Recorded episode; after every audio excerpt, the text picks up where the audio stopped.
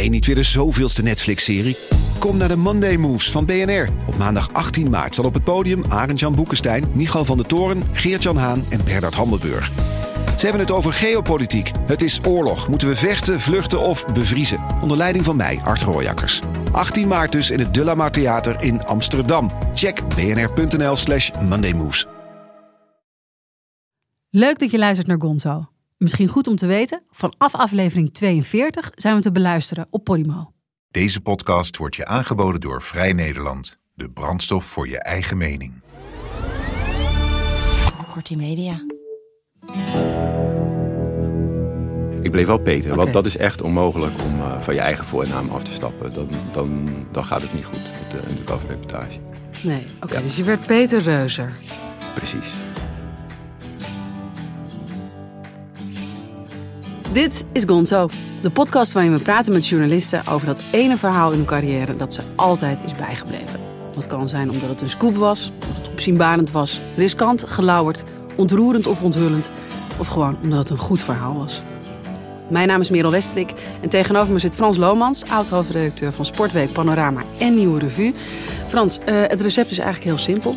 Iedere week nodigen we één journalist uit hier in de WPG-studio's in Amsterdam. Het verhaal moet uiteraard gepubliceerd zijn. Hebben we nog meer vereisten? Eh, dat er ook een verhaal achter het verhaal zit. Dat vind ik dan wel weer eh, aardig. Dat het niet alleen een. eh, dat we daar aan het recyclen zijn, maar dat we echt ook, ook nieuws hebben. Ja.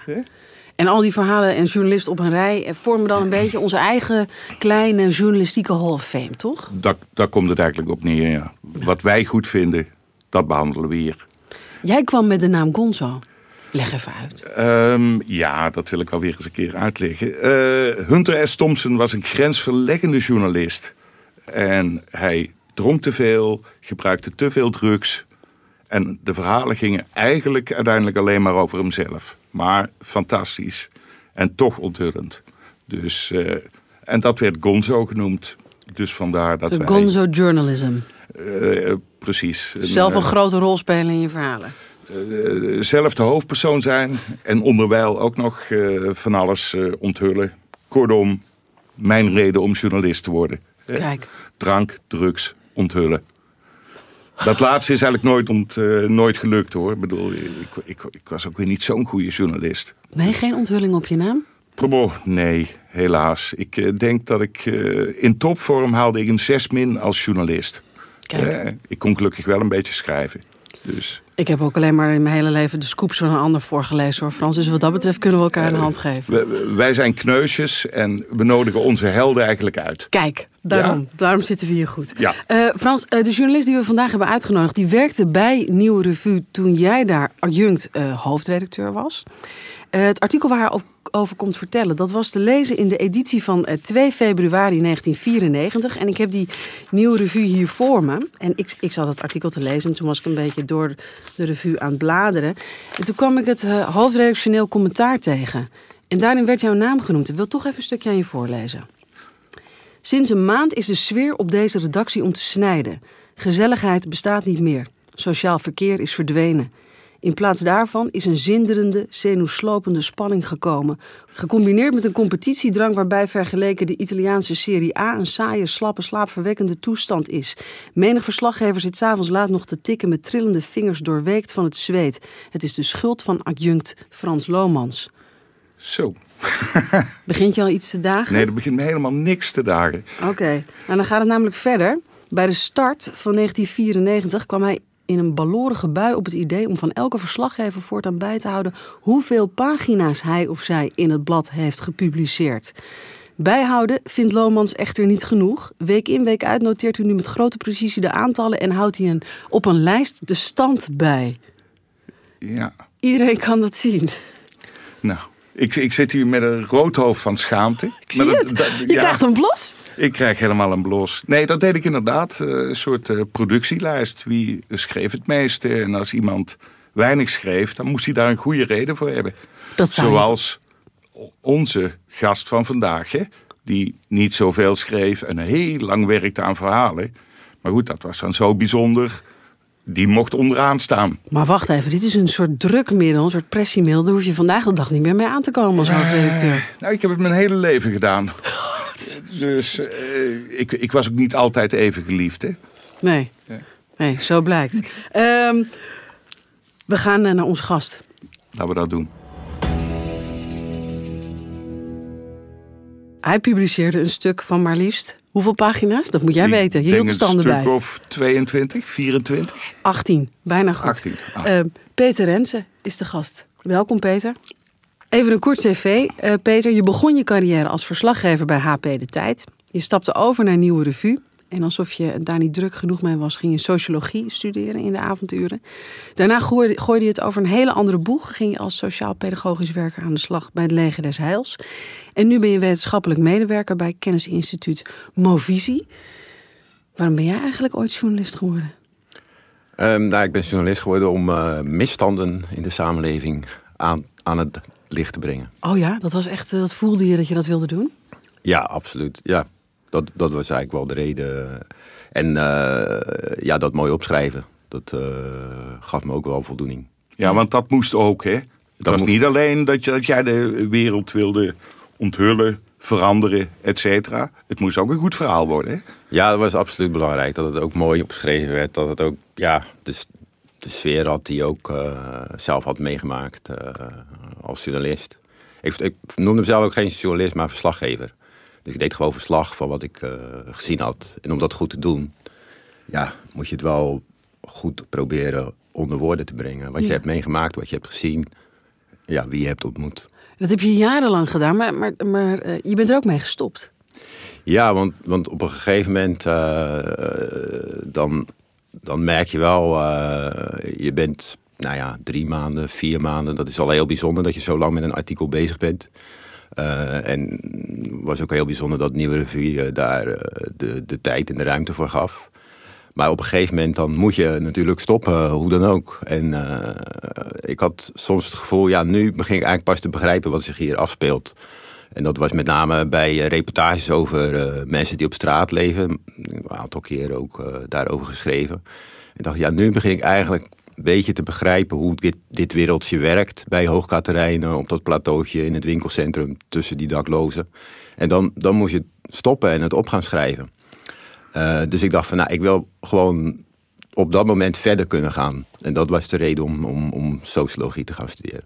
Want hou je je nu, je bent nu onderzoeker, eh, projectleider, hou je je nu ook met dat soort onderwerpen bezig? Bijvoorbeeld daklozen? Nou, ik heb een tijdje op de universiteit gewerkt. Dat eh, ontbrak dan eh, aan mijn cv. en eh, daar heb ik promotieonderzoek gedaan onder daklozen die op straat slapen. En daar, daar heb ik dus eigenlijk gedaan wat, wat, waarvan ik dacht van nou, dat, dat, ja, dat, dat vind ik goed om te doen. Dat is belangrijk voor mensen om te weten. Dan moet je na vier maanden nog, nog verder kunnen kijken, nog dieper kunnen analyseren wat je daar eigenlijk ziet. Het nog mooier kunnen opschrijven. En in een aantal artikelen eh, voor mijn promotie denk ik dat ik daar ook wel in geslaagd ben. Maar we gaan nu naar het verhaal. Ja. Wat, wat ik het verhaal vind uit, eh, uit Peters carrière. hè. Dat, Ja. eh, we hadden het volgens mij ook over Scientology kunnen hebben. Waar je ook undercover bent geweest. Zeker. En daar, een feest. daar zijn ook echt de gekste dingen omheen gebeurd. Dus Zo, ja. daar- bij, bij Scientology ben ik nog een keer gegijzeld in een hotel. Eh, dus eh, ja, dat, dat was wel een apart verhaal. Maar, maar goed, we gaan het niet over Scientology Nee. hebben. Nee, en we gaan het ook niet hebben over je eh, undercover actie waar je, waar je hebt gewerkt bij, in de vleesverwerkende industrie. Eh, we gaan het over een ander verhaal hebben. Maar toen we jou vroegen om, om over eh, dat ene verhaal te komen praten uit je carrière, dat je het meest is bijgebleven, dacht je toen meteen ook aan dit verhaal waar we het over gaan hebben?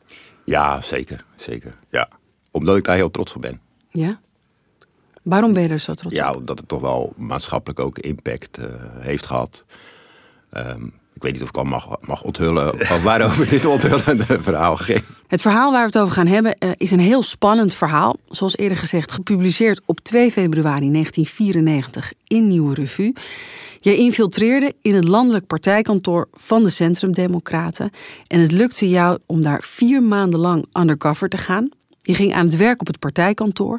Je leerde daar de echte Janmaat kennen. En de skinheads, antisemieten, oud-SS'ers en de rest van de partij. En je noteerde al hun gesprekken, plannen en intriges. Laten we bij het begin beginnen. Hoe kwam dit verhaal tot stand? Nou, de Centrum-Democraten die presenteerden zich uh, eigenlijk naar buiten toe als een, uh, nou, toch uh, gematigde, maar wel flink rechtse, maar toch wel gematigde partij. in de zin dat zij afstand namen van vormen van fascisme, openlijk racisme, et cetera. Een, een verslaggever bij Nieuwe Revue, Bert Voskuil, collega van mij, die, nou, die deed heel veel onderzoek naar de partij, openlijk. Dus die had ook echt gesprekken met Hans Janmaat en andere voormannen en vrouwen van de partij. Ik zelf zat toen in de kraakbeweging, een beetje aan de rand daarvan. En daar werd ook onderzoek gedaan. Mensen gingen dan ja, undercover uh, naar die partijbijeenkomsten. En uh, die keken wie wat voor functie had. En die constateerde toch hele andere dingen van wat daar in die partij gebeurde. Dus de discrepantie tussen die twee uh, zaken vond ik uh, interessant. En ook, uh, ja, dat legitimeerde eigenlijk ook voor mij om, om undercover te gaan. Omdat je het idee kreeg dat er een frontstage imago was. En achter de schermen eigenlijk veel meer aan de hand was. Voor, voor de schermen fatsoenlijk rechts, achter de schermen onfatsoenlijk rechts. Ja, om Toch? kort te zeggen, ja. En ben je toen met dat idee naar, naar je hoofddirecteur gegaan? Hans Verstraten was dat uh, destijds, volgens mij. En Frans dus als, als adjunct. Ja, ik denk dat dat idee eigenlijk gewoon een beetje in gesprekken tot stand is gekomen. Want toen had ik natuurlijk al een aantal undercover reportages gedaan. En werd natuurlijk op de redactie wel aan mij gedacht als er zoiets geks moest gebeuren. en uh, daar gingen natuurlijk wel meer ideeën over tafel. Van zouden we dit kunnen doen, zouden we dat kunnen doen. En ik denk dat gewoon dit als een idee over tafel is gegaan. En toen weet ik nog, toen hadden we eigenlijk besloten om dat te gaan doen. En toen zei Frans tegen mij van, ja, wanneer ga je nou echt beginnen bij de Centrumpartij? Ik zeg, Frans, het waren de Centrumdemocraten, weet je nog, waar we bij aan de kaffe willen gaan. Zo, ik moet het wel ontgelden, deze aflevering. Mooi. Mooi. Maar dacht je ook meteen, uh, dacht je, maar je dacht meteen, ja, dit moet ik doen. Dit klusje heeft, heeft mijn naam uh, over zich. Nou ja, dus eigenlijk op de allereerste uh, schreden op het pad van de journalistiek. Dat, dat was een, uh, een, een, een, blaadje dat heette Ophef. Ophef over discriminatie en vooroordeel. En dat maakten we op de middelbare school. Ja. met een groepje middelbare scholieren. En iemand van het 5 mei-comité in Delft. En dat verspreiden we op alle basisscholen in Delft. En uh, eigenlijk vond ik het onderwerp altijd al heel belangrijk. Uh, hè, om iets te doen tegen vooroordelen, discriminatie. En nou ja, dit was eigenlijk gewoon uh, de voortzetting van de school, dat schoolkrantje. Ja. en, en, en oké, okay, dan besluit je dus, oké, okay, dit, dit wordt mijn klus. We gaan proberen om undercover te gaan. Althans, ik ga proberen om undercover te gaan bij de Centrumdemocraten. Hoe pak je dat dan aan? ja. Nou ja, gelukkig werk ik bij Nieuwe Revue met uh, mensen als uh, Hans Verstraten en Frans Lomans. En, en Nieuwe Revue had natuurlijk wel ook al vaker met dit bijltje gehakt. En dan werd er wel echt besproken van hoe gaan we dit afdichten. zodat je niet als een soort levende schietschijf op de centrumdemocraten afgaat.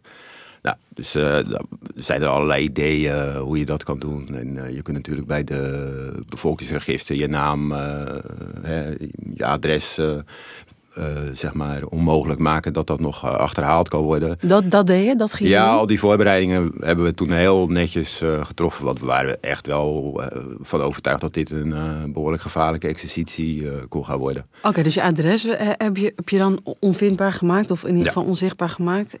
wat nog meer? En dan, dan word je even tussendoor word je verblijfplaats onbekend waarheen, heet dat dan, als je je Oh. adres onvindbaar maakt. En over die periode heb ik ook geen pensioen. Oh, Ja. Oh. Dus daar moet het straks nog even over. dat is goed. Dan kan je het met Frans nog even over hebben. Dat is mooi. Vier maanden. Vier maanden. Een pensioengat van vier maanden sowieso, Frans. En toen werd stap 1, Peter. Ja, toen werd stap 1 eigenlijk eh, dat ik ook nog naar, eh, met een een kopie van mijn paspoort die vervals was. Eh, naar de bevolkingszaken van eh, de gemeente Den Haag ging. Wacht even, nieuwe revue. Eh, had, had jouw paspoort laten vervalsen? Nou, ik geloof dat we dit wel hebben besproken, maar dat we hadden afgesproken dat we dat eh, verder eh, eh, ja, een beetje eh, zeg maar eh, Stilhielden. stilhielden. Oké, dus op de redactie hebben jullie een soort ander paspoort gemaakt, kopietje gedraaid. Nee, dat, dat heeft. eh, want ik heb ontzettend veel hulp gekregen van heel veel mensen. En dit, in dit geval van mijn eh, ex-vrouw. Die eh, heel goed was met. die heel kunstzinnig was. Oh. en die heeft dus bij de gekopieerde paspoort vervalst. van de naam Rensen naar de naam Reuzer. Oké. En de naam Reuzer is natuurlijk heel handig. Want als je Rensen op gaat schrijven. als je zo dom bent om de naam Rensen op te schrijven. dan lijkt dat in principe toch nog heel erg op Reuzer. Maar je bleef wel Peter? Ik bleef wel Peter, want dat is echt onmogelijk om eh, van je eigen voornaam af te stappen. Dan, dan, dan gaat het niet goed met de undercover reportage. Nee, oké, Ja. dus je werd Peter Reuzer. Precies. Maar goed, dan heb je een vals paspoort. Je adres is niet meer vindbaar. Dan heb je, dat, dat zijn dan de eerste voorbereidingen. Eh, en dan moet je binnenkomen op het, eh, op het partijkantoor. En toen had ik natuurlijk een enorm geluk, want eh, ik kon toen een eh, kamertje huren in eh, de straat waar ook het partijkantoor van de Centrum Democraten zich bevond. En ja, dat is echt mijn geluk geweest, want toen kon ik mij aanmelden als een jongen uit de straat.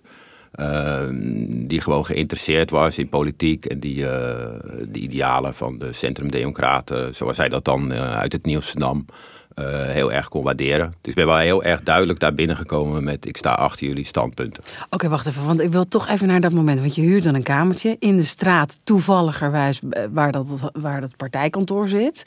Ehm, eh, maar dan moet je, moet je daar dus naartoe, als een soort eerste ontmoeting Ja. met, met die mensen. Ja, Wil ik even dat moment, Peter? Hoe, hoe, hoe, hoe, hoe pak je dat aan? Nou ja, dan, dan zeg je gewoon tegen jezelf: ik moet dit gaan doen. Eh, en je bent natuurlijk echt eh, bloednerveus en je hebt er helemaal geen zin in. Dus dat betekent dat je dan eerst vier blokjes eh, door die wijk loopt. Ja. en uiteindelijk, nou, dan, dan heb je jezelf eigenlijk zo opgeladen en ingeprent dat je durft aan te bellen en de consequenties daarvan gaat dragen. Want je beseft toch wel donders goed waar je aan begint. En vervolgens zie je, kijk je omhoog in een, eh, in een donker gat als de deur open gaat. En iemand zegt van ja, wie ben je? En eh, dan kom je met je verhaal wat je hebt ingestudeerd. Wat had je ingestudeerd? Wat zei je? Dat ik dus iemand uit de straat was. En dat ik zag dat hier het partijkantoor van de Centrumdemocraten was. En eh, dat ik geïnteresseerd was om eh, hen een handje te helpen. Oké. En na de, bij de derde keer ben ik dus eh bovengevraagd door Wil Schuurman. De eerste twee keer zeiden ze, we hebben niemand nodig. De eerste keer zeiden ze inderdaad, nou ja, nee, we hebben geen tijd. Of we hebben, ja, weet niet helemaal precies meer. Maar in ieder geval de eerste twee keer lukt het gewoon niet. En dan moet je natuurlijk weer even wat tijd nemen, omdat je niet om, om het uur eh, kan komen vragen beneden. En eh, dat is ook lastig bij undercover reportages. De voorbereidingen en eh, de aanloop die duurt zo vreselijk lang. Eh, maar goed, het eh, was wel de moeite waard. Want als je er eenmaal in zit, dan eh, krijg je ook wel, eh, ja, Ja, want toen de derde keer was het dus raak. Wil Schuurman, de eh, rechterhand van partijleider Jan Maat, voor de duidelijkheid, die, eh, eh, die wachtte jou op. En dat was liefde op het eerste gezicht. Ehm, ja, eigenlijk gaat het dan heel erg soepel vanaf dat moment bij deze reportage. Heel raar, want je zou verwachten dat er wel een eh, behoorlijke wantrouwigheid is. Maar ja, het verhaal werd eigenlijk geslikt. En eh, vervolgens, dus ik heb me wel gepresenteerd als iemand die echt achter de ideeën staat. En vervolgens eh, wordt gevraagd of je een kopje koffie wil. En het was dan ook een soort clubhuis van allerlei mensen met dezelfde ideeën die daar ook openlijk over kunnen praten, wat ze heel fijn vonden. Nou, ik sloot gewoon aan. Heel veel mensen wisten eigenlijk niet eens precies hoe ik natuurlijk binnengekomen was. En die namen gewoon aan van nou, het is gewoon een nieuw partijlid die eh, actief wil zijn, net als wij. En vervolgens ben ik helemaal teruggezakt naar de vlieg op de muur. Die eigenlijk ja, nagenoeg niks zei. En, en gewoon aandachtig luisterde naar iedereen. eh, wat iedereen te vertellen had. En zo ging het eigenlijk best wel eh, vlot. Want, want in, had je onmiddellijk door dat het iets zou gaan onthullen? Of duurde dat wat ontmoetingen? Dat duurde zeker wat ontmoetingen. Want de uh, partijtop, zoals Hans Janmaat en uh, Wil Schuurman en uh, Richard van der Plas. Die gingen wel altijd naar boven, naar een apart kamertje. Wanneer ze echt iets belangrijks te bespreken hadden. Dus ik heb in het begin wel eindeloos partijkrantjes zitten vouwen. En, en, en gewoon, ja, gewoon bullshit zitten aanluisteren. Maar op een gegeven moment besefte ik me wel dat die bullshit eigenlijk ook onderdeel uitmaakte van die partijcultuur. En uh, dus toen ging ik dat ook wel noteren eigenlijk. Uh, hoe, hoe, mensen ja, zeg maar spraken over mensen met een andere huidskleur of een andere seksuele voorkeur. Of ja, alle eigenlijk rare onmaatschappelijke dingen die ze daar met elkaar doornamen. Het was eigenlijk een hele marginaal, ja, marginale club. En, en ik kwam er al snel achter van, wacht even, dit is ook van belang om op te schrijven. Want was dat dan uh, ongelooflijk racistisch? Was het heel erg dom? Wat, wat was het? Wat... Ja, wat hoorde je? Ja. Nou, wat me heel erg opviel was dat iedereen zich enorm had afgekeerd van de samenleving. Dus eigenlijk alles wat je van de samenleving kon plukken, uh, dat was mooi meegenomen. En dat er gewoon geen enkel idee was van hoe je ook aan de samenleving kan bijdragen. Terwijl, dat bedacht ik me hallo, ik ben op een uh, kantoor van een politieke partij. Je zou toch verwachten, een politieke partij die heeft idealen voor de samenleving, hoe de samenleving er beter uit zou kunnen zien. Maar er was geen begin van een begin van een idee van hoe dat er dan uit zou moeten zien. Dus waar ze naar streefden.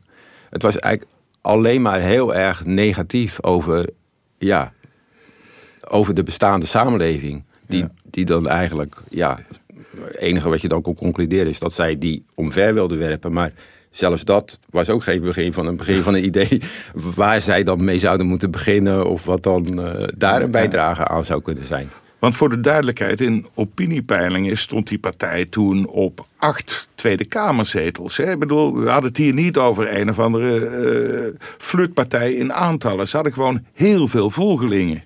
Ja, klopt. Maar ja, later uh, ben ik er wel achter gekomen dat eigenlijk in Nederland een soort constante is. Dat 20% van uh, de Nederlandse stemmers ja, vatbaar is voor uh, dit soort partijen, ideeën, die eigenlijk heel erg tegen het establishment aanschoppen, op wat voor manier dan ook. dus in principe is een hele stabiele percentage van de stemmers waar zo'n partij, uh, die, die achter zo'n partij kunnen gaan staan. En dat die gevoelig zijn voor ultrarechtse standpunten. Ja, ultrarechtse standpunten, ja, klopt. En uh, in dit geval uh, nou, zaten zij dus eigenlijk goed in die categorie. En dat was best wel gevaarlijk, want als je zoveel zetels krijgt... Ja. dan, ja, dan kan je misschien ook wel beginnen aan de dingen te veranderen en naar je hand te zetten. En invloed uit te oefenen ook op andere partijen met name. En Peter, ik wil toch heel even, want, want jij zit daar dan als een soort fly on the wall, eigenlijk krantjes te vouwen, een beetje, of misschien af en toe eh, dingen, papieren in mapjes te doen op dat partijkantoor. Je hoort alles aan. Wat was het eerste moment waarop je dacht, uh, of hoe ging je te werk? Wat was het moment waarop je dacht, nu hoor ik iets, dat moet ik echt meteen opschrijven? Of, of, of hoe, hoe, hoe pakte je dat aan? Um, nou, hoe ik het aanpakte was dat ik uh, eigenlijk af en toe aantekeningen maakte op het toilet. Ja. Uh, met een klein notitieblokje en een, uh, en een pen. Uh, en dan schreef ik met name woorden en korte zinnetjes op. Die heel kenmerkend waren voor hoe zij dan met elkaar spraken. Want ik, ik, vind het, ik vond het dan altijd heel belangrijk bij die undercover reportages. Dat je het authentieke taalgebruik van degene waar je bij bent overneemt. En nou ja, wat dus in eerste instantie interessant begon te worden was die hele cultuur van haat eigenlijk. Wat voor dingen hoorde je? Kan, kan je je nog iets herinneren wat je opschreef? Nou ja, je, je hoort dan echt uh, hele nare, racistische grappen. Die in een andere omgeving zou je denken van... Uh, nou, die mensen menen dat totaal niet. Het is gewoon leuk om onder elkaar zoiets te zeggen. want dat geeft een soort sfeer van gemeenschappelijkheid. Maar deze mensen menen dit ook echt, hè? En, en, en ja, dat, dat was eigenlijk het eerste wat voor mij interessant was. Om, om dat allemaal te gaan opschrijven. En dat zijn echt dingen als eh, alle Turken dood, uh, dat soort uitspraken. Echt dat soort uitspraken. Ja, heel veel, heel veel grappen eigenlijk. Uh, want die je eigenlijk nergens anders meer kan maken. Die zo erg, erg zijn. Ik kan het niet meer echt uh, nu herinneren welke grappen dat waren hoor. Maar die je eigenlijk nergens anders meer kwijt kan. En daar wel uh, met elkaar uh, kan delen. Nee, de, het staat mij erbij. Er zit, er zit echt een verschrikkelijke grap in over Hedy Dancona. Mm. Hè? En ik las dit nu weer. En ik werd daar soort van onwel van. Ja. En jij moest dat aanhoren. En je mocht niet zeggen: hé, hey, ophouden nu, dit gaat te ver. Je mocht het allemaal niet zeggen. Nee. Nee, maar daar, daar ben ik dus heel goed in. Kennelijk om uh, mezelf een uh, rol aan te meten van... Ja, iemand die uh, het allemaal een beetje over zich heen laat komen. En, da, en dat, dat is echt voor... Bij undercover journalistiek moet je dat wel hebben. Want het is heel belangrijk dat je niks zelf eigenlijk in beweging brengt. Niks, niks uitlokt. Je, je moet proberen om te zorgen dat, dat het echt precies zo gaat zoals het zou gaan als je er niet bent. Ja. Uh, dus je zit eigenlijk uh, echt, nou ja, als, als de vlieg op de, op de muur, zoals journalisten dat ja. dan zeggen. maar maar daar, on, onderwijl ben je natuurlijk, moet je echt super alert zijn om al die woorden te onthouden die je op dat toilet gaat opschrijven. Want je kunt niet iedere vijf minuten naar het toilet. Je kunt niet iedere, ja, door, ik was nog maar 30, dus. Toch? dus ik had nog geen last van prostaat. maar uh, ja, dan kom je terug. En dan moet je weer de rol aannemen van ja, een beetje sukkelig iemand. Nu heb ik wel, zeg maar, mijn, mijn, mijn voorkomen is best wel onbenullig en uh, vertrouwenwekkend. Dus dat heb ik dan heel erg uh, meegehad bij die reportages. Maar als je dan naar huis gaat, ja, dan, ik liep die deur uit en dan ging ik dus naar dat kamertje wat ik daar gehuurd had in, in, in, in die straat. En dan, dan verander je gewoon helemaal van wezen naar een soort waanzinnig ja, alerte journalist die alleen nog maar probeert om, om alles wat daar gebeurd is, wat van belang is, eruit te ratelen op papier. Uh, en zo snel mogelijk, zoveel mogelijk dingen op een goede manier op te schrijven. Zodat het echt klopt met wat, je daar, wat, wat, wat, je daar, wat daar gebeurde. Ja. En dan maak je ook beschrijvingen van hoe mensen met elkaar uh, praten. En hoe het partijkantoor eruit ziet.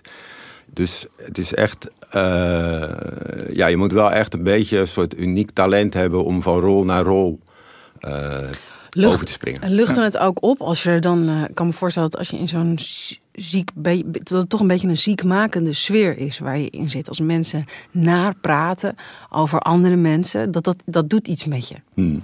Deed dat ook iets met jou? Ja, dat was wel zeker het geval. want op een gegeven moment ging ik ook mee naar, naar uh, partijbijeenkomsten. Uh, en van die partijbijeenkomsten, nou, dat wekte weer vertrouwen dat ik, dat ik daar ook bij was. En toen werd ik ook uitgenodigd voor, om mee te gaan naar de schietclub SV Lisse in Amsterdam-Noord.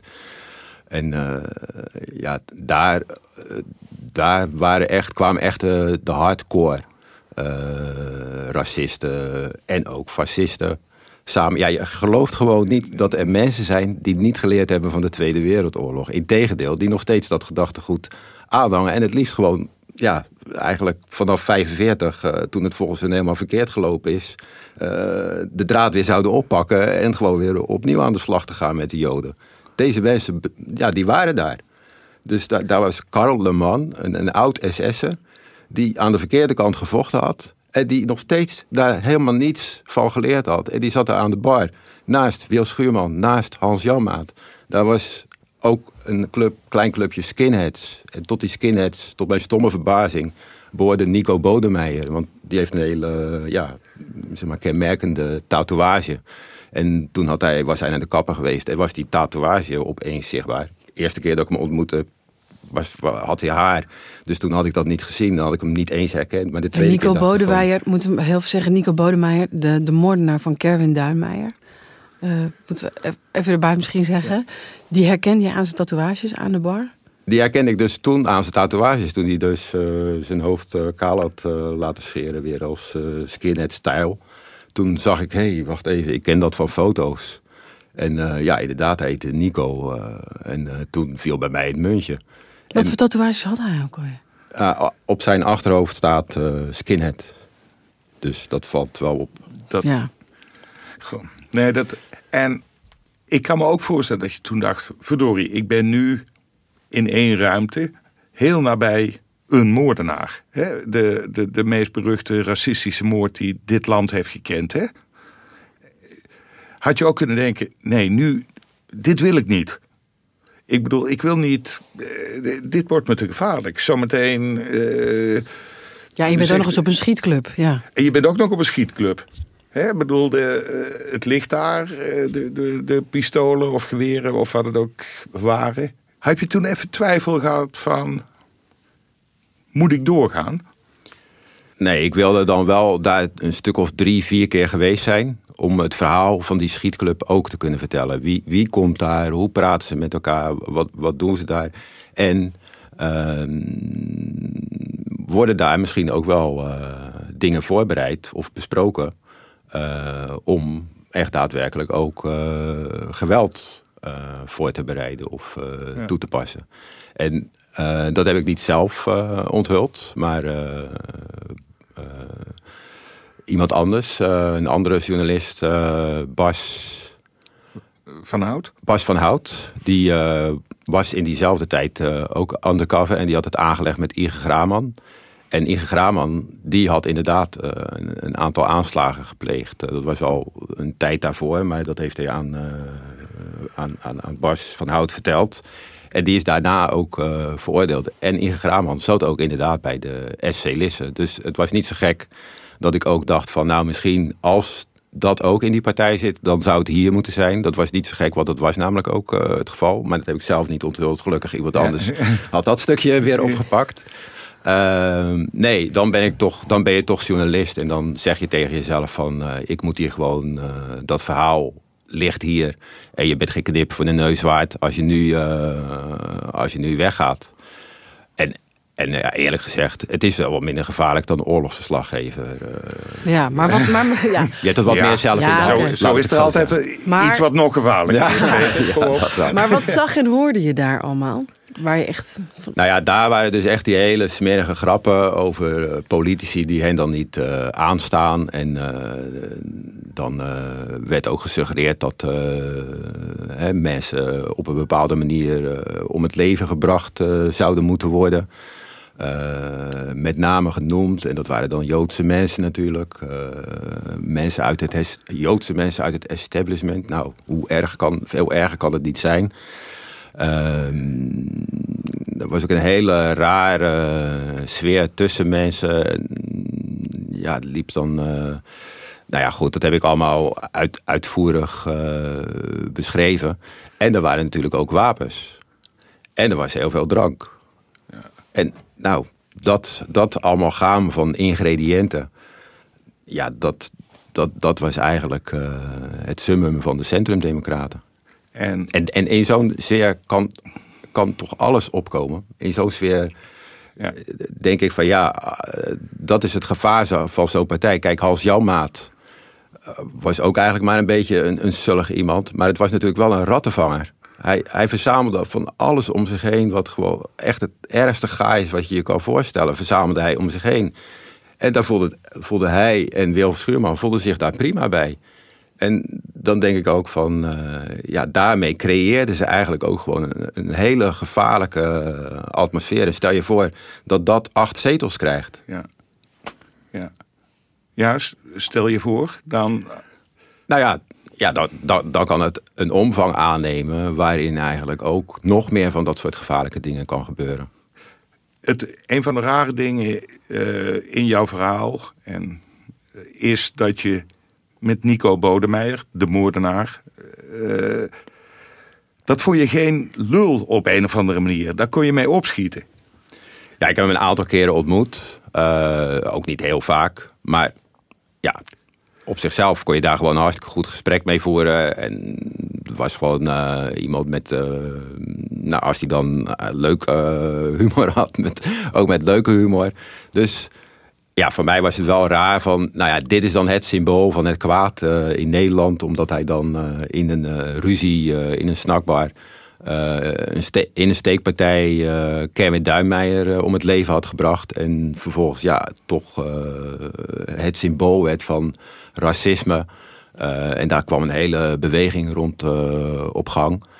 en dat had ik natuurlijk ook wel meegekregen. Want dat, dat, ik was toen 16 toen dat uh, gebeurde. Zeg ik even uit mijn hoofd. En nou, er werd een lied gemaakt door Frank Boeien. Denk niet zwart, denk niet, ja. denk niet zwart-wit. En, en ik liep in die demonstratie tegen Nico Bodemeijer. En daar was hij dan. Dat was Nico Bodemeijer. Ja. ja, dat was niet alleen maar dat was niet alleen maar een moordenaar. Zo eendimensionaal is het leven dan gewoon niet. Uh, en je leert hem een klein beetje kennen.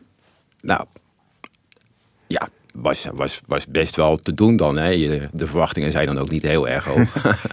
ja. um, maar ook een jongen met een tragische jeugd. En ja, zeker. Dus, dus dan ga je er ook over nadenken van... Ja, wat, wat heeft hij eigenlijk uh, van, vanaf heel jonge leeftijd uh, meegemaakt? En later in een artikel heb ik ook uh, twee foto's laten zien. Eén waarvoor dat hij die moord had gepleegd, als je het een moord kan noemen. En één ja, daarna, toen hij eigenlijk ook in die publiciteit terechtkwam. En dan zie je dat hij daarvoor eigenlijk gewoon een, jongen, een jongetje is. En daarna eigenlijk ja, een soort celebrity bijna. Iemand die weet hoe hij zich moet presenteren op een foto. Dus het heeft ook zijn,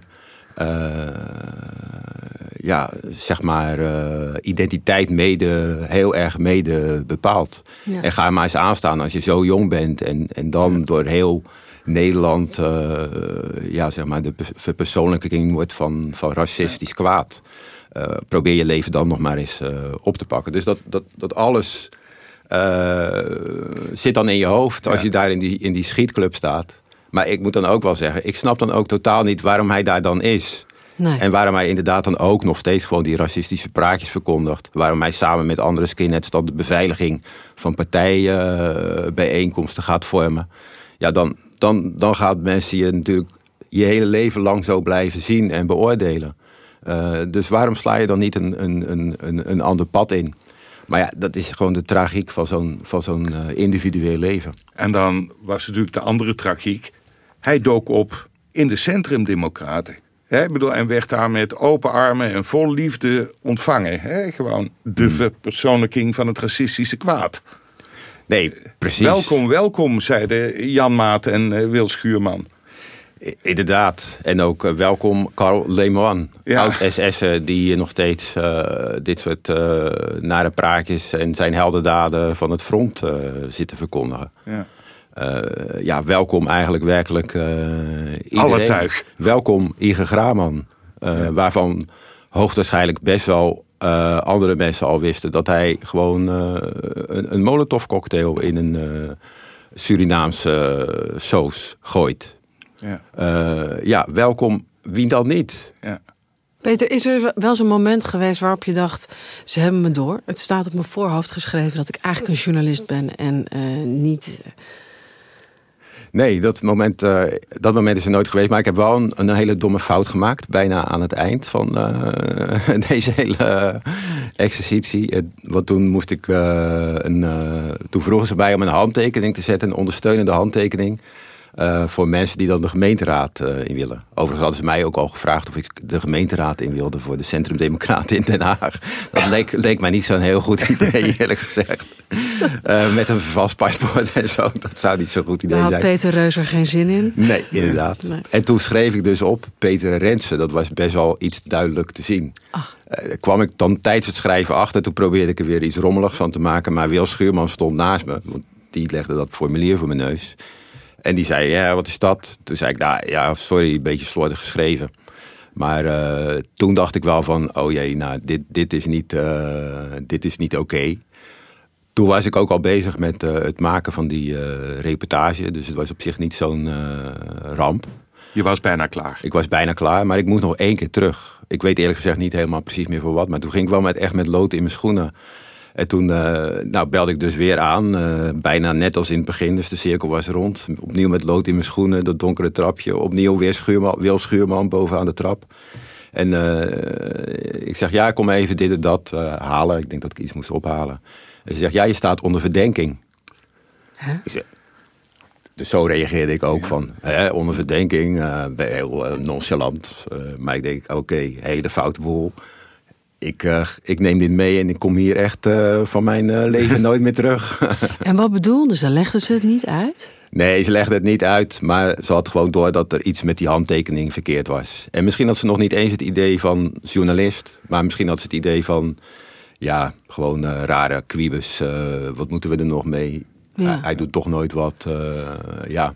En je zei je moest nog één keer terug oh, om, om iets op te halen of je wilde er nog een keer heen. Want, want wanneer wa- was eigenlijk het moment waarop je dacht: ik heb mijn verhaal wel, ik heb mijn verhaal rond? Wanneer was voor- jou het genoeg? Nou, eigenlijk had ik nog wel even iets langer door willen gaan bij die eh, schietclub, met name. Ja.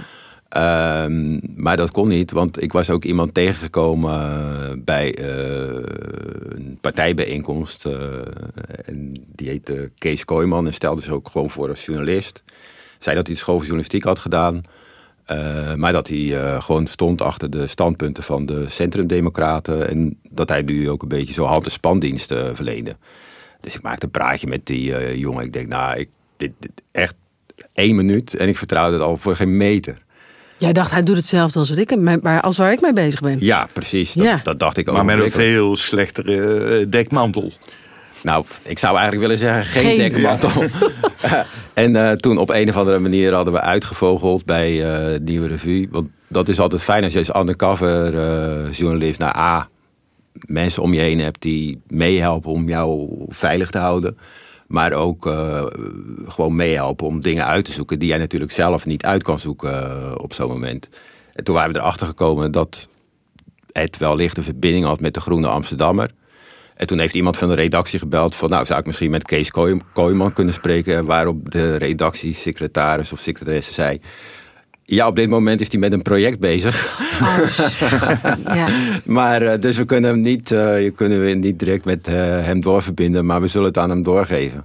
Ja, van dat, vanaf dat moment zijn wij als een idioot eh, aan de slag gegaan... om die reportage goed in het blad te krijgen. En om het, voor te zijn, om het andere verhaal voor te zijn. Om dat andere verhaal voor te zijn. Ja. Ja. Want eh, Kees Kooijman was toen ook al eh, op het punt om te gaan eh, schrijven, had ik begrepen. Ja, maar je had eigenlijk langer willen blijven, met name bij de schietclub. Want had je nog niet genoeg voor je gevoel? Of, of, of zat er nog meer in? Of wat?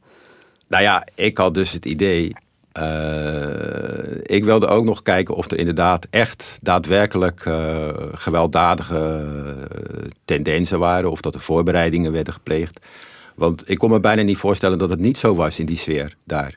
Eh, dus daar, ik, ik was daar eigenlijk nog, dat was het eigenlijk het ultieme wat ik nog eh, wilde vinden. En ergens vind ik het nog steeds jammer dat ik toen niet nog eh, drie, vier keer heb kunnen gaan. Ehm, want nou ja, Frans, eh, jij zei toen tegen mij van, eh, ja, misschien heb je niet zo'n soort smoking gun. Ik weet nog dat je ook, ook zei van, eh, ja, die, nou, we hadden, we hadden, ja, dat is een beetje flauw om te vertellen. Nee, dat, eh, Nee, vertel het maar wel. Ik ben wel benieuwd. Hoezo? Nee, nou wacht, dan ga ik twee dingen vertellen. Want eh, een, een collega, Bert Voskuil, Ja. die was al heel lang met de Centrum Democraten bezig. En eh, toen zei ik vooral zoals grapje van, ja maar Bert kan toch gewoon doorgaan. Want ja, wat staat hier nou eigenlijk allemaal in in dat verhaal van jou? Niks toch? dus eh, Bert kan gewoon hiermee door als, als grapje.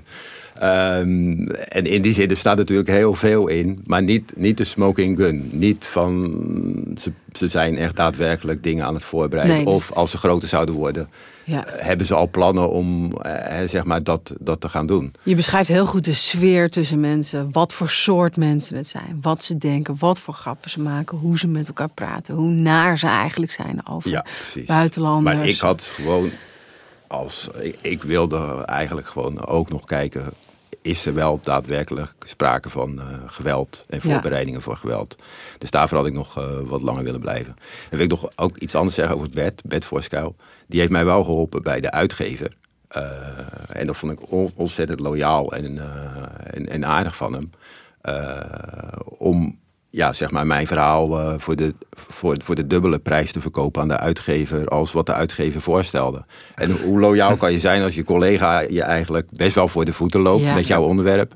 En je dan toch meegaat als eh, senior collega om, om, om jouw junior collega eh, te steunen. Ja. Dat vond ik echt eh, super aardig. En dat, dat, dat is ook wel wat ik na deze reportage. Wat ik, ja, ik, ik had best wel. Eh, het was tijdens de reportage gevaarlijk, maar daarna is dat eigenlijk nog best wel eh, een tijdje doorgegaan. Ik ben ook echt moeten verhuizen op last van de politie. Uh, maar ik heb wel gemerkt dat, dat uh, heel veel mensen die ik kende bij de redactie, maar ook gewoon vrienden en bekenden, ja, heel loyaal waren. En, en, en ook eigenlijk hun nek hebben uitgestoken om mijn veiligheid te blijven waarborgen. En waarom moest je verhuizen op last van de politie? Wat kwam er nou ja, op een gegeven moment kwamen er dus twee agenten, ook een heel verhaal, bij de redactie van Nieuwe Revue. Die stonden eigenlijk een soort van opeens voor mijn neus. nadat de redactiesecretaris Diana Beijer hun wel had opgevangen. Hoor. Ja. en dacht van, nou, dit is wel vertrouwd. Een, een, van, een van hen was trouwens Simon de Waal. Uh, die ook nog uh, met Baantje, uh, die serie Baantje, daaraan meegewerkt heeft.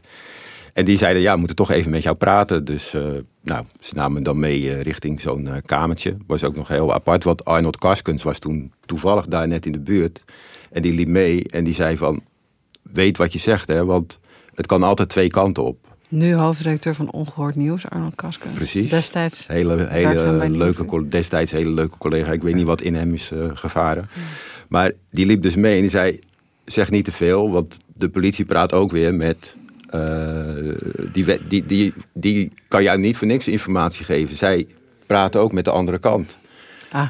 Dat had ik dus even in één seconde heel snel in mijn oren geknoopt. Toen gingen we daar zitten. Toen zeiden zij van, uh, nou, uh, wil je even waarschuwen, want uh, mogelijk loop je wel gevaar vanwege die reportage over de centrumdemocraten. Ik zeg, nou oké, okay, ja, vertel op. Toen zeiden ze, nou, ken je dit adres? Ik zeg, nou, het komt wel ergens wel bekend voor, ja. Toen zeiden ze, nou, dit adres gaat rond bij de centrumdemocraten. En, en dat was je adres? Nee, dat was mijn voorlaatste adres. Maar ja, dat hmm. is ook niet zo fijn om te horen. Nee. nee. Want uh, daar wonen ook mensen. Ja. Dus daar kan ook een molotov cocktail naar binnen worden gegooid. Precies, dus dat vond ik ook niet zo fijn. Dus ik heb wel gezegd van jongens, hou, hou dat adres uh, zo goed als, als het kan in de gaten. Het is niet mijn adres. En toen vroegen ze wel van, ja, wat is dan wel jouw adres? Ik zeg, nou, dat gaan we dus niet delen. Hè? Ja. En daar waren ze wel best wel pist over. Maar dat was echt oh, vanwege die opmerking van Arnold. Uh, dat ik dacht van nee, dat, dat ga ik niet doen. Ik ga, dit, dit is geheim en uh, dat is beter dat jullie het ook gewoon niet weten. Dan, dan kun je het überhaupt niet zeggen. Ja. Nee. Nou ja, dat, dat, dat, gesprek hebben we helemaal niet gevoerd natuurlijk. Zij waren gewoon pist en ik heb het niet gezegd. En toen gingen ze weer weg. Ja. Maar toen dacht ik wel van oké, okay, dit is wel serious business. Er is geen moment geweest na, uh, na die reportage dat je dacht van... ze weten me toch te vinden of ze hebben me gevonden. Nou, er was wel een moment. Ik, ik, ik woonde dus in een eengezinswoning ergens aan de rand van een parkje. Uh, en toen werd er uh, ja, heel laat aangebeld. En dat was ongebruikelijk, uh, want het was een geheim adres. Dus niet zoveel mensen wisten dat te vinden. Alleen maar echt een heel klein groepje hele goede vrienden wist dat te vinden. Nou, en die zouden niet zomaar even aankomen. Want die snapten ook wel, dat is niet echt een goed idee nu op dit moment. Dus ik denk, oké, wat is dit nu weer? En ik zou een beetje gluren door het gordijntje. En ja, mijn vriendin gezegd van, nou ga, ga jij even gewoon naar de achterste kamer. Dan, en als je geraas hoort, dan ga je door de achterdeur gewoon via het parkje weg. en toen dacht ik van ja, maar het kan ook niet zo zijn dat je in je eigen huis niet eens meer gewoon naar je voordeur durft te lopen als er wordt aangebeld. Dus ik gewoon van, uh, joh, daar ben ik uh, naar de voordeur. En ik had eigenlijk al een beetje gezien door het gordijntje... Ja, dat ze toch wel een soort rare kleding aan hadden. Maar ja, ik denk, ik ga gewoon naar de voordeur, want anders heb je ook geen leven. Dus ik doe de voordeur open en zie twee mensen in een soort van uniform. Ik denk, what the fuck. Oh, fuck, ja. En toen zeiden ze van, uh, ja meneer, goedenavond. Uh, wij zijn op zoek naar een vervelende zwaan. Er bleken twee medewerkers van de dierenambulance te zijn. en, maar goed, inmiddels had ik al drie hartenvallen ongeveer uh, achter de rug. Zo. En toen dacht ik, nee, dit, dit is ook geen leven. Dit, en toen zijn wij dus, toen zijn we verhuisd. en toen zijn we heel goed terechtgekomen. Eigenlijk uh, was het een blessing in disguise. In de zin dat we toen midden in de Amsterdam, buurtje tussen onze vrienden zijn uh, gaan wonen. In het begin wat klein. En toen konden we gewoon steeds doorschuiven naar de volgende etage, et cetera. En eh, ja, daar hebben we de tien jaren van ons leven gehad. Dus zo zie je maar hoe het kan lopen eh, in het leven. Ja, want toch even, want, want, want wat was de maatschappelijke impact van je verhaal? Wat waren de reacties nadat het gepubliceerd werd? Ja, je moet het zien dus eigenlijk in combinatie met uh, het verhaal van Kees Kooijman Ja. en het verhaal van Bas van Hout. Uh, dus het was echt overal, was, overal werd eigenlijk uh, de backstage van de Centrum Democraat onthuld. En het was voor Jan Maat eigenlijk geen houden meer aan. Die heeft nog wel wat gesputterd hier of daar, maar ni niemand nam hem meer serieus in de zin van uh, dat hij dat niet wist. Of hij kon er gewoon niet meer mee wegkomen. Dat zijn partij eigenlijk gewoon, dus dat het tuig was eigenlijk. Ja, lid precies. Was daar was partij. gewoon echt geen houden meer aan. Nee. En uiteindelijk, vreemd genoeg, hoorde ik net in het voorgesprek... had hij daarna toch nog drie zetels weten te bemachtigen. Nou ja, dat wil wel zeggen... Hoe, hoeveel rare stemmen hebben we in Nederland? Ja. maar het had eigenlijk in de peilingen acht moeten worden. Toen werd het drie. En toen is de partij eigenlijk wel op de fles gegaan.